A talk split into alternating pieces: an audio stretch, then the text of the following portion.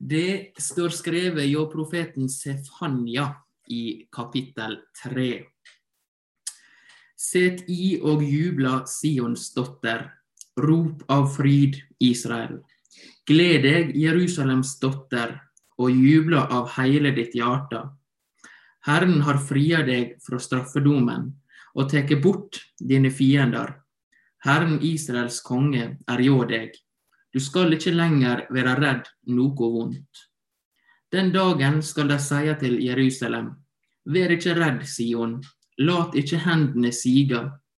Herren din Gud er hjå deg, ei kjempe som kan frelse. Han gleder og fryder seg over deg, tek deg atter inn i sin kjærleik. Han jubler over deg med fryd.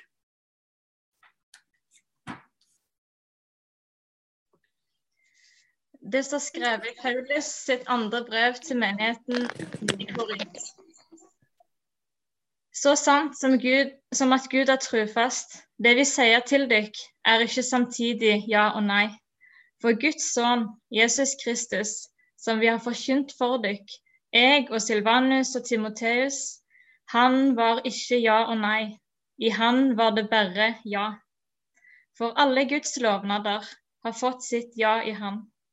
Derfor sier vi òg ved Han vårt Amen, Gud til ære. Men den som grunnfester både oss og dykk i Kristus, og som har salva oss, det er Gud. Og han har sett sitt segl på oss og gjeve oss anden til pant i hjarta våre.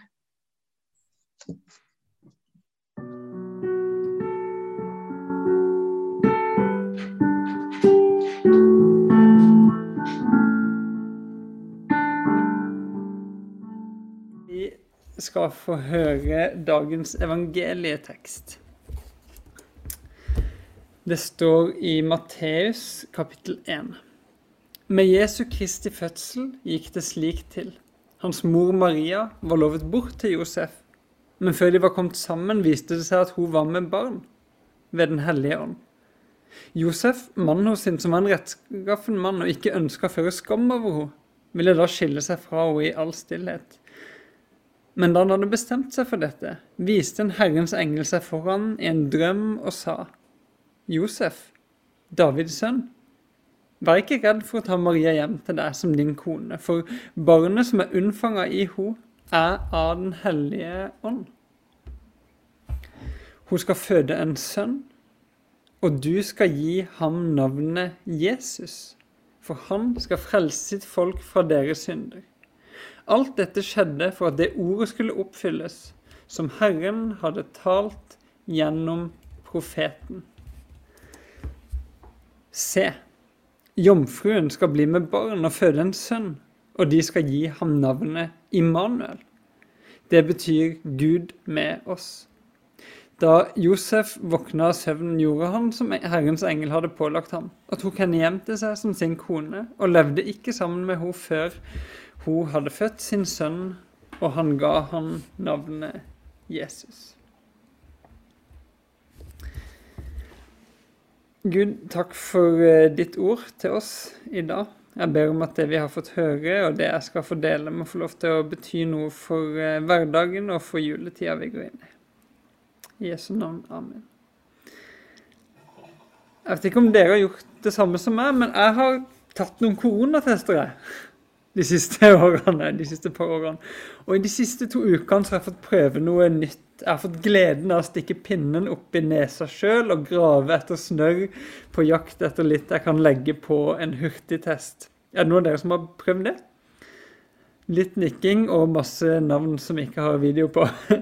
Det er ganske spennende, da. Altså Når du har fått eh, alt det der du har fanga fra nesa di over på testenheten, så sitter du og venter i 15 minutter i spenning. Kommer det to streker, så er testen positiv. Dårlige nyheter. Men hvis det kommer bare én strek, så er den negativ. Og det er jo gode nyheter.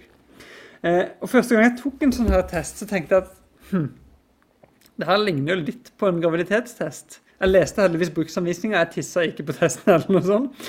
Men eh, jeg har aldri tatt en graviditetstest. Jeg kjenner noen som har tatt graviditetstest, men da var det jo ganske annerledes da man så skulle komme én eller to strek. Fordi hvis det var bare én strek, så var den negativ. Og da var jo det dårlige nyheter, for da var det ingen barn i sikte. Mens hvis det kom to streker, så var han positiv, og i dette tilfellet så betydde det gode nyheter. Barn i magen er stort sett gode nyheter. Og noen ganger, om en har venta lenge, så er det ekstremt gode nyheter. Hvis man f.eks. som et folk, som Israel, har venta i mange hundre år på at Gud skulle svare på sine løfter om å sende en konge, en tjener, et lite barn som skulle vokse opp og sette de fri. Da er det gode nyheter med barn. Og vi hørte i den ene teksten i stad at alle Guds løfter fikk sitt ja i dette barnet, i denne Jesus. Den natta da en engel viste seg for Josef i en drøm og sa Josef, Davids sønn, vær ikke redd for å ta Maria hjem til deg som din kone. Ja, jeg skjønner du blei stressa da testenheten til Maria viste to streker. Og du visste at du ikke kunne være faren. Men ikke vær redd. Disse to strekene er gode nyheter. For barnet som er unnfanga i henne, er av Den hellige ånd. Hun skal føde en sønn, og du skal navnet Jesus, for han skal frelse sitt folk fra deres synder. Et budskap om barn i magen er gode nyheter. Og ganske fort så begynner foreldrene å glede seg til det som er i vente, og venner og familie rundt begynner å glede seg. I dag så markerer vi noe som heter Gledens adventssøndag. Vi markerer noe som vi har glede over, noe som vi gleder oss til. Vi er samla for å glede oss sammen med Maria og Josef over det lille barnet som skal komme. Har dere tenkt på navn, da? Det spurte folk ofte meg og Therese da vi venta barn. Og jo da, vi hadde tenkt på det, men vi holdt korta ganske tett til brystet. Fordi for oss så var det noe som vi skulle lande på sjøl, og noe som ikke andre skulle få påvirke. Eh, og for oss så var det kanskje lyden av navnet som var viktigst. At det klang godt, at vi syntes det var fint. Det var ikke så viktig for oss hva navnet betydde for noe. Eh, så lurer jeg på om noen av dere vet hva navnene deres betyr. Når vi først er på Zoom, så kan vi være litt interaktive. Så vær så snill, dere som vet hva navnene deres betyr, kan ikke dere bare skrive det i chatten? Eh, så skal jeg, mens dere holder på med det, fortelle hva mitt navn betyr. Eirik betyr noe sånt som enehersker, eller mektig hersker. Jeg syns jo ikke helt at jeg lever opp til navnet mitt. Da Det passer bedre med snill gutt eller lesehest eller et eller annet sånt. Eh, her er det stille i chatten. Ja, se her. Kristi etterfølger, vi har vakker, vi har Gud er nådig. Eh, navn betyr noe, og dere har navn som virkelig betyr noe godt, ikke sånn krigsherre sånn som meg. Eh, tilhenger av Kristus. Ja. Navn betyr noe. Eh, og noen ganger er det viktig hva navnet betyr.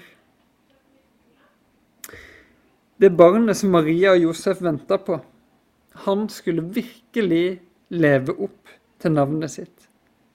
Og det var viktig hva det navnet betydde. Gutten skulle ikke bare få ett navn, han skulle få to navn. Det første var Jesus. Jesus betyr 'Herren frelser'. Og det andre navnet var Immanuel, som betyr 'Gud med oss'.